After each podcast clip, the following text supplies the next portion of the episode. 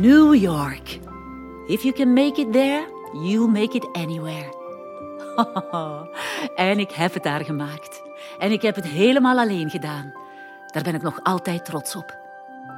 Vijf jaar nadat ik in New York was toegekomen, studeerde ik af met de grootste onderscheiding. Daarmee was ik de beste van mijn jaar, de valedictorian. Mr. Ben Warren. Mr. Bernie Johnson. Bij de diploma-uitreiking ben ik de laatste aan de beurt. Ik ben de climax, top of the list. Ik laat mijn blik door de aula glijden. Ah, ik krijg er kippenvel van. Dit moment is exact zoals ik het me altijd heb voorgesteld. Oké, er zit niemand in de zaal voor mij. Geen trots lief of ouders die een traantje wegpinken. Maar gelukkig ook geen kind van vijf. En Miss Karen Bart. Ik schrik toch even als de decaan mijn naam roept. Trots loop ik naar voren. Iedereen kijkt naar mij. Iedereen wil mij. Oh man, het is mij gelukt. Ik geniet. Ik heb het verdomme verdiend. Ja, ik heb er wel een hoge prijs voor betaald. Dat weet ik. Maar ik mag fier zijn. En daarvoor heb ik geen bevestiging nodig van anderen. Ik neem zelfverzekerd plaats op het podium voor mijn speech.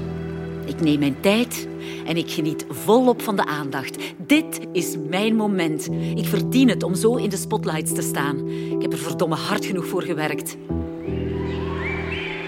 Na mijn laatste woorden volgt er een daverend applaus. Ik word overspoeld door een golf van euforie. Dit gevoel is echt overweldigend en onvergetelijk. Ik kan de wereld aan. Yeeha! Die avond nog werd mij een plaats aangeboden bij het bekendste advocatenkantoor van New York. Binnengehaald worden door de top van de top. ja, zo had ik het graag. Ja, dat was heel goed voor mijn ego. Ik geef het toe. Tuurlijk heb ik ja gezegd. Dat was de kickstart die mijn carrière nodig had. Ik had de smaak al snel te pakken. En ik werd al snel een van de beste. Wat zeg ik? De beste. Ik nam geen genoegen met gewoon goed. Het kon altijd beter. Je moet de lat hoog leggen voor jezelf. Enkel zo bereikt je iets in het leven. Ik ging voluit.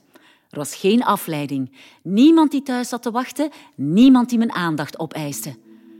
Ik heb veel nachten achter mijn bureau doorgebracht.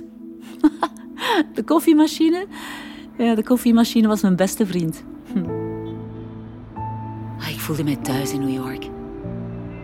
Hard werken was noodzakelijk om uw plekje op te eisen. We waren met velen. Je voelde u eigenlijk nooit echt alleen. En toch wel eenzaam. Hm. En al dat harde werken loonde ook. Oh, ik heb veel zaken gewonnen. Als rookie werd ik onderschat. Vooral door de grote pleiters. dat heb ik een dubbel en dik betaald gezet. Man, dat voelde goed. Advocaat zijn, dat is toch echt wel de beste job die er is. Elke zaak is een nieuwe uitdaging en je moet je elke keer opnieuw bewijzen. Het is niet omdat je de vorige keer gewonnen hebt dat het opnieuw gaat lukken, hè? Elke keer dat je in de rechtbank verschijnt, krijg je de kans om uit te blinken. Maar je loopt ook het risico om serieus op je bek te gaan. Maar voor mij maakte dat allemaal spannend. Dat is waarom het zoveel voldoening geeft. En dat weet jij, Tom. Hoe kun je mij dat afpakken? Ik had nooit gedacht dat jij tegen Karin zou ingaan, eerlijk gezegd. Ze laat me geen andere keuze. Ze maakt mijn familie kapot. En ze kwetst de mensen die ik graag zie, keer op keer. Ze heeft geen greintje respect, nog voor die mensen, nog voor mij. In New York ben ik de karenbaard geworden die iedereen kent. De genadeloze advocaat die over lijken gaat. De ijskoude bitch zonder emoties. Hard zijn, dat was iets positiefs. Daarmee won ik zaken. Op professioneel vlak waren dat de beste jaren van mijn leven. Ik heb een paar grote, belangrijke processen mogen doen. Oh man, ik haalde zoveel voldoening uit mijn werk. Maar ja, het was ook het enige wat ik had. Ja, enfin, ik zal het maar toegeven. Ik was eenzaam. Toen vond ik dat prima. Want ik was vooral bang om terug gekwetst te worden. En ik wist eigenlijk ook niet wat ik miste. Maar nu... Ja, nu weet ik dat wel. Door Tom en door Kobe heb ik terug mogen ontdekken hoe schoon dat, dat is. Als iemand u echt kent, u graag ziet. Zelfs met uw gebreken en tekorten. Dat heeft een extra dimensie gegeven aan mijn leven. Hm. Maar toen, ja, toen had ik dat nog niet. En omdat ik niemand dichtbij liet komen, was er ook niemand die mij kon raken. Sommige mannen die probeerden mij te domineren. Maar dat lukte nooit. Ik was onaantastbaar. Ik weet niet of het wel zo goed is om onaantastbaar te zijn. Op dit moment wil ik natuurlijk ja zeggen, omdat het zoveel pijn doet om tot in het diepst van uw ziel geraakt te worden, maar toch. Als je niets hebt, kunnen ze u niks afpakken. Dus op zich is dat wel een veilige keuze.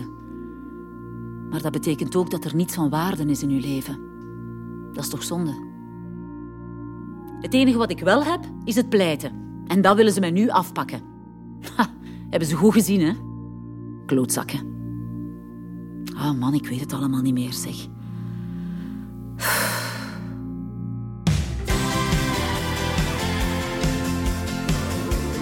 Aflevering gemist?